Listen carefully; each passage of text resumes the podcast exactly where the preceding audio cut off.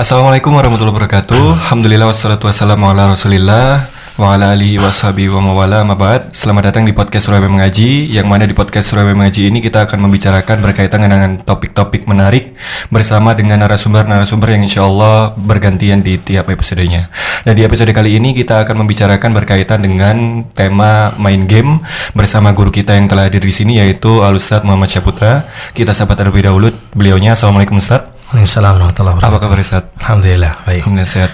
Ustadz, bicara main game. Sekarang ini insya Allah semua orang punya yang namanya smartphone Ustadz.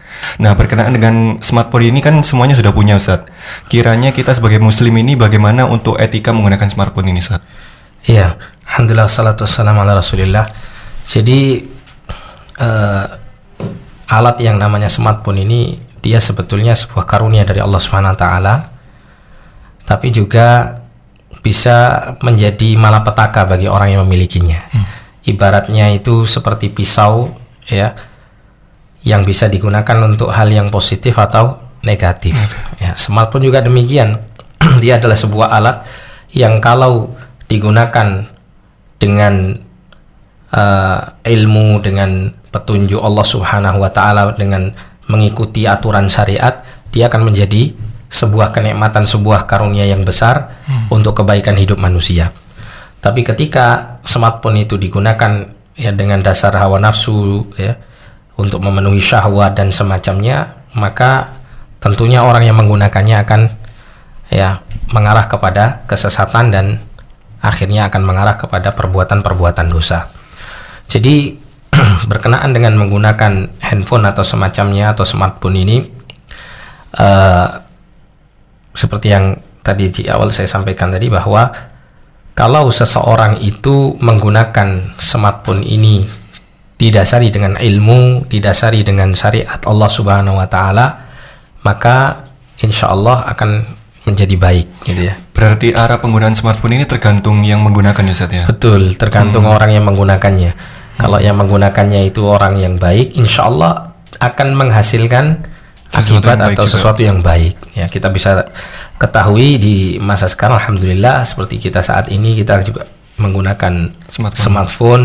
Di situ kita bisa berdakwah, di situ kita bisa saling tukar menukar pengetahuan, Hmm. kita bisa sharing ilmu, kita juga bisa uh, merekam sesuatu yang baik kemudian kita bisa bagikan kepada yang lain. Hmm. Itu semuanya tentu mendatangkan pahala yang besar. Bayangkan seperti kita gunakan smartphone ini untuk misalnya men-share satu ayat atau satu hadis atau artikel ilmu agama yang bermanfaat.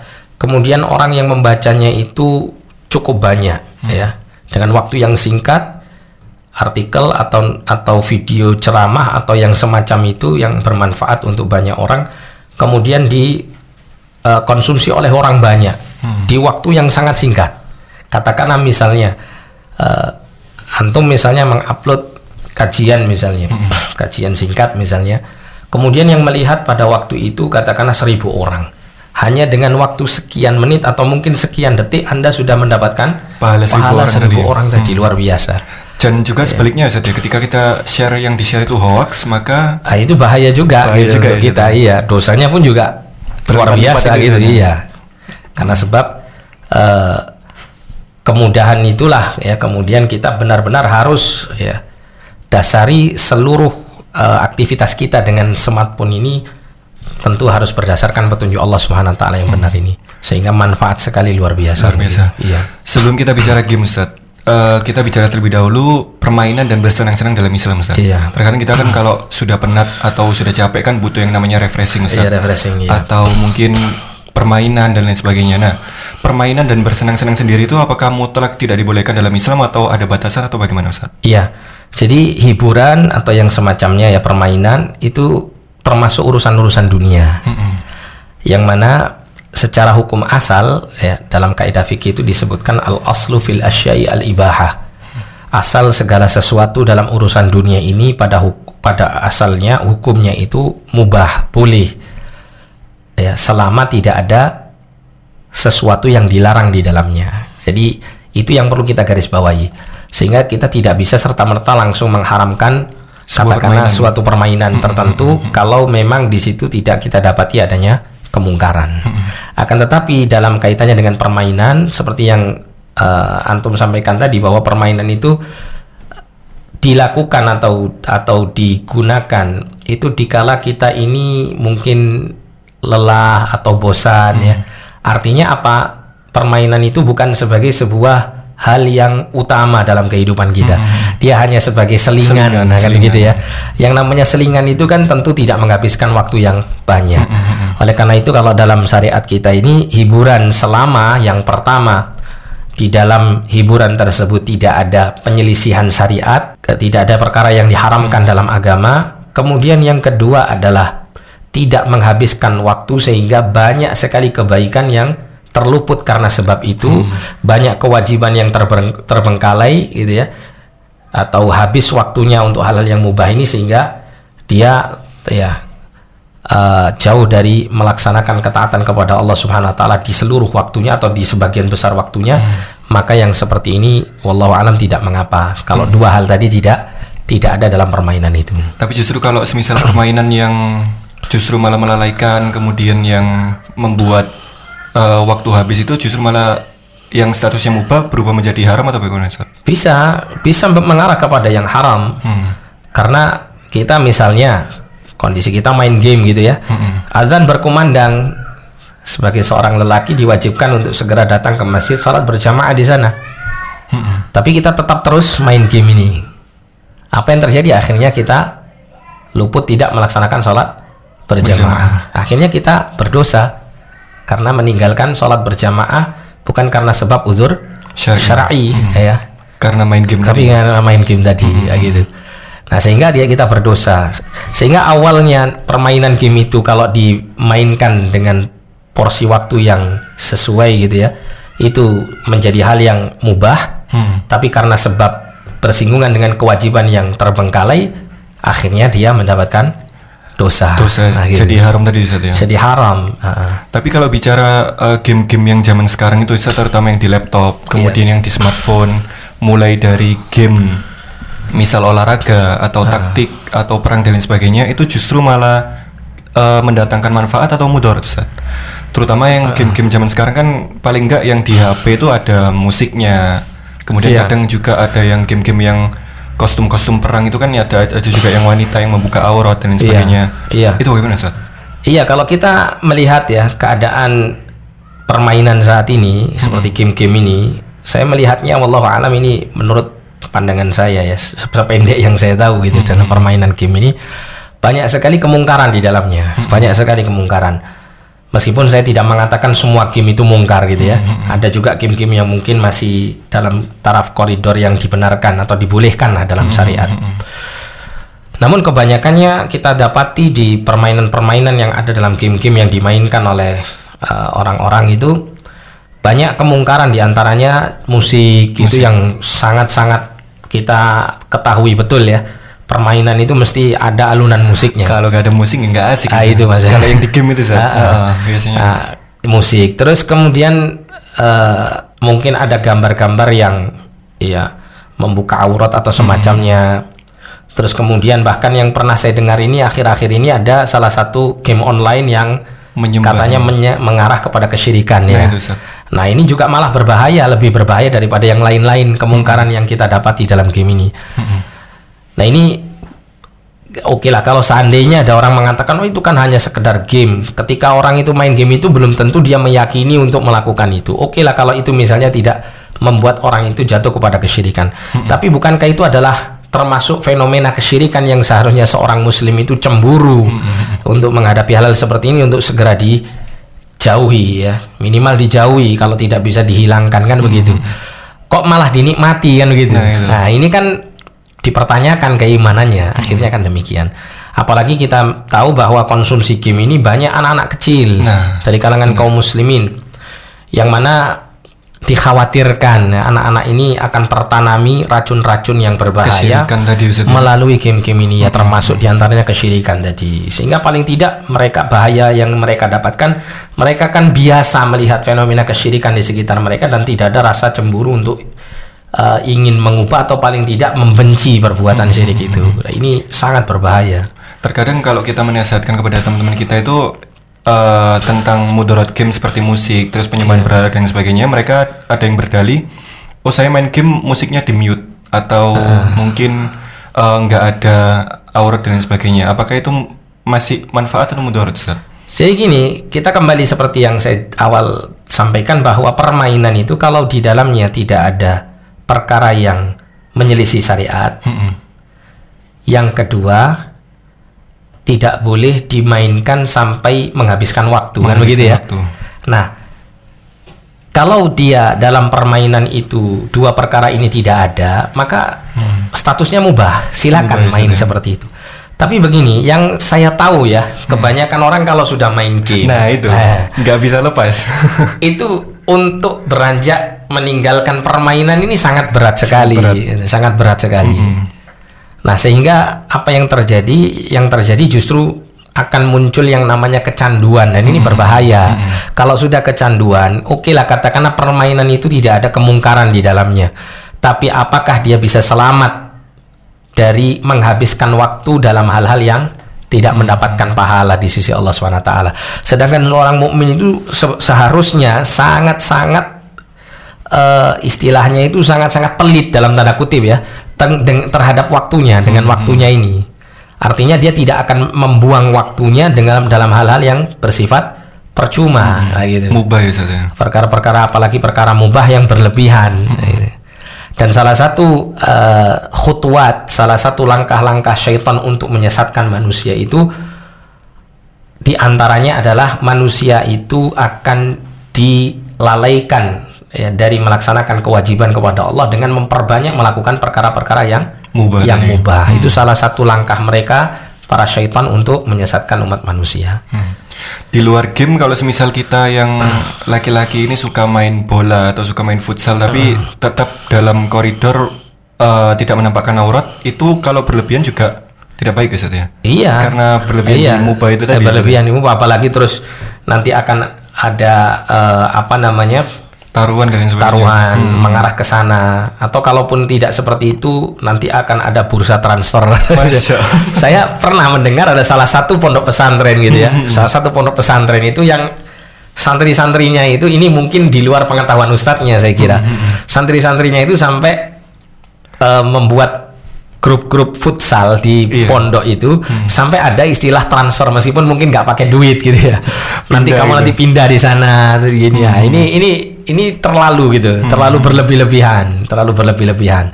Jadi kalau hanya sekedar permainan nggak perlu terlalu berlebihan. Mungkin untuk eh, penyegaran atau olahraga itu masih dibolehkan ya Ustaz ada ya? masalah. Sekedarnya Ustaz ya. Sekedarnya, iya. Kembali ke game tadi Ustaz. Game ini kan tidak hanya dimainkan oleh pemuda atau anak-anak Ustaz. Kadang juga eh, yang sudah punya istri dan lain sebagainya itu pulang ke rumah capek justru main game Ustaz. Semakin- Gimana ini Ustaz? Iya. Suami-suami ini Ustaz. Jadi ada suami itu yang lebih cinta sama smartphone-nya dari gadgetnya daripada istrinya. Istrinya. Bahkan yang lebih sering dibelai itu handphonenya daripada istrinya. nah ini ini ibu-ibu boleh protes sama suaminya, Nah, ya. Tapi ya dengan cara yang baik. Jadi ya sebetulnya ini kalau sudah sampai pada taraf seperti itu berarti ini smartphone yang yang ini dipakai ini jelas mengarah kepada penyakit ya dalam tanda kutip penyakit karena dengan itu dia sudah eh, terikat betul dengan dengan smartphone-nya. Dan ke mana-mana dia tidak bisa lepas dari smartphone-nya. Dan ini ini tidak dibenarkan dalam agama.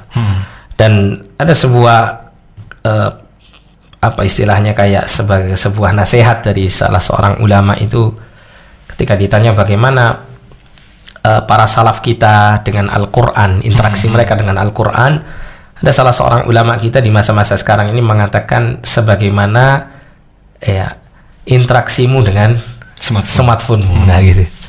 Ini ini menggambarkan bagaimana jauhnya gitu ya kebaikan dan eh, keutamaan para ulama-ulama kita terdahulu atau orang-orang soleh kita terdahulu dibanding dengan umat akhir zaman ini. Akhir zaman sekarang. Akhir zaman sekarang ini masya Allah ya dengan smartphone itu seakan-akan kalau ndak pegang HP itu kayaknya nggak bisa nafas gitu. Nggak bisa nafas. HP ketinggalan balik ya. Ya? ketinggalan balik, iya. Kalau ulama-ulama kita terdahulu para uh, salafun saleh itu Al-Qur'an. Hmm. mereka nggak bisa lepas dari Al-Quran. Ya. Lah untuk menghadapi suami-suami kayak gitu nasihat untuk istri gimana Ustaz? Eh, Kira-kira? Yang Apa jelas langsung diambil HP-nya atau Eh, iya, kalau atau kalau gimana? seperti itu nanti akan jadi rame ya. Nanti akan jadi pertengkaran. Dalam kita menghadapi kemungkaran dalam rumah tangga itu yang pertama beristianah. Kita minta pertolongan kepada Allah Subhanahu wa taala. Karena yang membolak-balikkan hati manusia itu kan Allah Subhanahu wa taala gitu ya. Itu yang pertama. Kemudian yang kedua kalau misalnya seorang istri atau seorang suami melihat ada pasangannya atau anaknya yang terlalu melulu menggunakan handphone, mungkin bisa didekati, didekati dengan cara yang halus. Misalnya seorang istri ya, suaminya capek-capek datang ke eh, datang ke rumah dari pekerjaan, dia langsung buka handphone, main handphone misalnya. Dekati eh, istri dekati suaminya, ya mungkin eh, ucapkan kalimat-kalimat yang baik, kemudian sambil dirayu untuk diambil handphonenya. Saya kira itu insya Allah menjadi sebuah eh, perilaku yang memunculkan romantisme gitu ya, tapi juga menghilangkan kemungkaran kan gitu ya. kemungkaran. Iya, atau daripada tiba-tiba istrinya datang marah-marah, "Oh, baru datang kok langsung main HP gini-gini ya. Diambil dibanting ya. Suaminya ini capek-capek kan gitu ya. Capek-capek nanti akhirnya apa yang terjadi? Api disulut sama bensin. Itu tambah terbakar Tambah ya. besar. tambah besar. Akhirnya yang suami nggak merasa salah, yang istri karena dia merasa benar akan terus mempertahankan kemarahannya. Kemarahannya. Akhirnya sama-sama marah. Tidak akan jadi sebagai eh, sebuah kebaikan yang terjadi setelah itu, tapi justru menjadi kemungkaran yang lebih besar.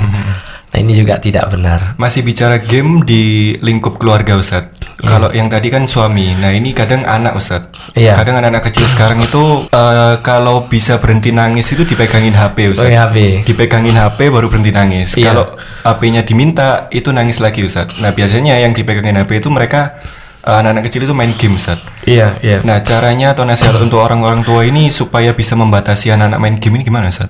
Disiplin. Disiplin. Artinya disiplin itu orang tua harus buat komitmen bersama anak. Nah, kamu boleh pegang HP, mainan game atau apalah nonton film kartun atau semacamnya misal gitu ya. Di jam sekian sampai jam sekian. Kita nggak boleh langsung hilangkan kebiasaan apalagi sudah terbiasa kan anak itu misalnya ya. Misalnya sudah terbiasa pegang HP. Terus kita langsung stop anak itu untuk tidak pegang HP ini juga berat buat anak. Berat. Apalagi di masa kita sekarang ini dia nggak pegang HP, teman-temannya pegang HP. nah itu. dia nggak pegang HP, bapak ibunya main HP Pegang di HP. depannya. Nah, ya, saya Iya, Zat. pernah ini, ini ini pengalaman pri- pribadi saya. Saya pegang HP, istri saya pegang HP gitu ya. Hmm. Saya balas pesan, istri saya juga demikian. Anak saya ini lihat saya sama istri pegang HP. Hmm. Apa yang diutarakan sama putri saya? Putri saya mengatakan Abi pegang HP, Uma pegang HP, aku pegang apa? Padahal ini anak saya masih usianya belum sekolah gitu, masih Nah, itu. TK gitu. Ha-ha. Sudah bisa menilai gitu kan, sudah bisa. Jadi seperti itu. Di masa kita sekarang ini nggak mungkin kita kita lepaskan anak itu apa namanya untuk untuk ber eh, tidak tidak menggunakan HP gitu ya.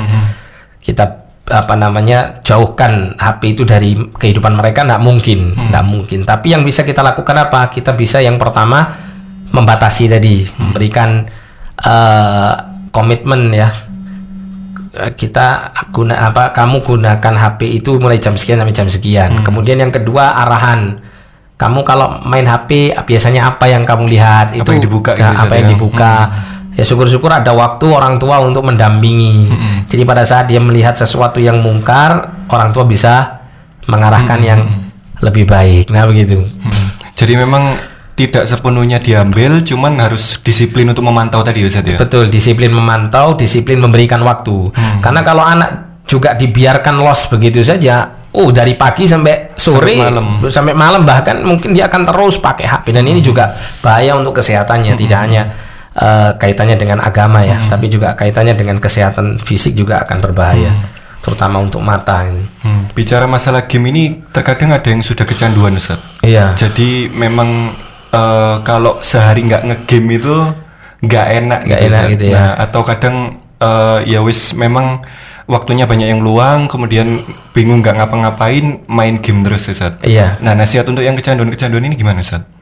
Iya, Jadi kalau sudah merasa kecanduan, kecanduan itu kan seperti itu ya artinya seperti menjadi sebuah kebutuhan, Hmm, nah bukan sebagai sebuah selingan. Selingan, ha, ha, sudah Ya, putih. kalau sudah menjadi sebuah kebutuhan maka kalau kebutuhan ini adalah karena apa namanya berkaitan dengan main game atau perkara-perkara yang sia-sia, maka sekali lagi yang pertama sama dengan apa yang saya sampaikan di awal, beristianah kepada Allah, minta pertolongan kepada Allah Subhanahu wa taala dan dia berusaha sungguh-sungguh untuk meng- uh, mengubah ya, mengubah kebiasaan hidupnya ini. Hmm. karena kalau hanya sekedar dia ngomong ya Allah tolong saya begini begini tolong saya supaya bisa meninggalkan kecanduan main HP misalnya gitu atau main main game dan semacamnya. Tapi itu munculnya hanya uh, muncul begitu saja tanpa dibarengi dengan kesungguhan hati. Ini pun juga nggak akan nggak akan, Nggak akan terrealisasi. Ustaz. Minimal gamenya di uninstall ya. Ah, itu yang pertama tadi ya Ah. isti- isti'anah dulu minta tolong kepada Allah, tawakal kepada Allah, minta tolong kepada Allah. Kemudian yang kedua ada action. Nah, itu. Nah, ada action. Jadi untuk mengubah sesuatu yang buruk itu biasanya memang berat. Hmm. Tapi kalau tidak dilakukan, tidak dilakukan eh, perubahan itu, maka selamanya tidak akan berubah, kan begitu. Nah, maka apa yang harus dilakukan? Lebih baik pahit di depan tapi manis di belakang daripada terus merasakan manis yang semu tapi ujung-ujungnya merasa pahit, yang abadi. Wallahubillah. Allah. Begitu. Maka kalau ini sudah ditanamkan dalam diri kita, yang berikutnya action, langsung apa? dieksekusi. Hmm. Mungkin gamenya di uninstall tadi. Termasuk juga dia juga harus harus sadari bahwa apa yang biasa saya lakukan atau kecanduan main game ini ini buruk ini bukan satu hal yang baik. Meskipun saya merasakan nikmat di situ. Meskipun saya merasakan ini enak nyaman gitu ya. Membahagiakan hati misalnya. Tapi ini bahaya gitu. Nah ini harus terus dicamkan atau diingat-ingat terus diingat-ingat. Main game itu bahaya main game yang berlebihan itu bahaya bahaya bahaya. Dengan itu nanti lambat laun dia akan bisa meninggalkannya. Game. meskipun mungkin dengan eh, cara bertahap sedikit demi sedikit mungkin yang sebelumnya 10 jam main game terus misal gitu ya Masya sudah berkurang 6 jam nanti 6 jam berkurang lagi atau alhamdulillah kalau misalnya dengan pertolongan Allah kemudian dengan usahanya yang maksimal dia malah bisa sama sekali meninggalkan game. Meninggalkan game. Kemudian yang terakhir, yang terakhir ya perkuat ibadah kepada Allah. Kemudian dia juga harus mengganti Hmm. mengganti kebiasaan buruknya itu dengan kebiasaan yang baik. Kalau awalnya dia kebiasaan main game, maka ganti kebiasaan yang lain. Mungkin kebiasaan untuk membaca, Hmm. kan gitu ya, atau kebiasaan untuk eh, mendengarkan ceramah-ceramah atau me- melihat eh, tutorial-tutorial ilmu yang bermanfaat, ilmu agama maupun ilmu-ilmu dunia yang ma- bermanfaat. Fa insya Allah dengan dia memalingkan kesibukannya dari main game itu ke kesibukan yang positif, insya Allah akan menjadi solusi untuknya. Karena jiwa manusia itu sebetulnya tidak suka berhenti dalam arti berhenti berhenti untuk tidak melakukan apa-apa beraktivitas. Tapi di sini para ulama kemudian mengatakan kalau orang itu tidak disibukkan dengan aktivitas yang baik, mesti dia disibukkan dengan aktivitas, yang Buruk. yang buruk. Bahkan orang kalau menganggur saja itu sudah menjadi keburukan untuknya kan gitu. Padahal nggak Padahal ngapa-ngapain. nggak ngapa-ngapain gitu ya. Apalagi ngapa-ngapain terus melakukan yang tidak bermanfaat atau waliyadzubillah sampai mengandung dosa. Iya, tapi ini kadang yang sudah ngaji atau yang sudah belajar ilmu itu juga masih main game, Ustaz. Iya, Nah, iya. nasihat terkhusus untuk mereka ini, Ustaz. Padahal sudah ngaji, sudah ngaji kita Iya. sudah sering kaj- hadir kajian, tapi kadang di sela-sela waktu itu kadang ada yang ditemui masih main game. Nasihat khusus Iya. untuk mereka gimana, Ustaz? Ya kita sekali lagi tidak tidak menyalahkan mereka-mereka yang mungkin selingan main gamenya ya. Dan kita juga husnudzon kepada mereka-mereka itu tahu batasan-batasan game mana yang diperbolehkan, mana yang tidak diperbolehkan. Cuman kalau seandainya kita menemukan ada para penuntut ilmu atau ya orang-orang yang sudah ngaji, sudah kenal agama, kok masih banyak waktunya habis untuk main game gitu ya. Bukan hanya sekedar selingan tapi kok malah masih Nge-game uh, terus. gitu. Nah, maka di sini perlu untuk diperbaiki dulu dari sisi metode dia belajar ilmu agama. Hmm. Hmm. Yang pertama luruskan niatnya dulu, sudah ikhlas nggak dia belajar agama ini. Kemudian yang kedua, coba ilmu yang dia pelajari itu dia resapi sungguh-sungguh. Ya, terutama ilmu yang berkaitan dengan uh, uh, mengenal Allah Subhanahu wa taala gitu ya. Kemudian juga berkaitan dengan uh, perintah-perintah Allah Subhanahu wa taala dan larangan-larangannya ini coba direnungkan dalam-dalam yang dengan itu insya Allah akan muncul rasa takutnya kepada Allah Subhanahu taala. Karena Allah berfirman innamal uh, in uh, innama yakhshallaha min ibadihi ulama. Sesungguhnya orang yang memiliki rasa takut kepada Allah itu hanyalah orang-orang yang punya ilmu orang-orang yang berilmu para ulama. Ya jadi kalaupun mereka orang-orang yang masih belajar ilmu agama ini belum sampai tarafnya ulama tetap ada rasa takutnya kepada Allah karena ilmu yang ada pada diri mereka meskipun sedikit. sedikit nah modal yang sedikit itu bagaimana caranya untuk bisa ya dia kembangkan dan menghalangi dia untuk mem memperbanyak permainan-permainan yang menyia-nyiakan waktu waktunya, waktunya tadi. Ya. Baik, insya Allah cukup besar. Uh, jadi secara kesimpulan memang game ini sepenuhnya tidak dilarang. Iya. Cuman sebagai mubah, tapi ada batasan-batasannya Ustaz ya. Iya. Kayak semisal tadi menghindari musik, kemudian yang buka aurat dan iya, penyembahan dan lain sebagainya. Betul Kemudian juga kalaupun semisal game ini justru malah uh, menghabiskan waktu, itu malah statusnya dari mubah menjadi dilarang ya, ya Dilarang ya. Baik, insya Allah cukup untuk episode kali ini. Semoga bermanfaat bagi uh, terutama yang sering bermain game untuk saat ini dan juga yang masih main game. Semoga hal ini bisa bermanfaat. Terima kasih atas waktunya Ustadz dan ya, uh, sudah menyempatkan waktu untuk menjadi narasumber di episode kali ini. Kita tutup dengan doa kafaratul majelis. Subhanakallahumma wa bihamdika asyhadu an la ilaha illa anta astaghfiruka wa atubu ilaik. Wassalamualaikum warahmatullahi wabarakatuh.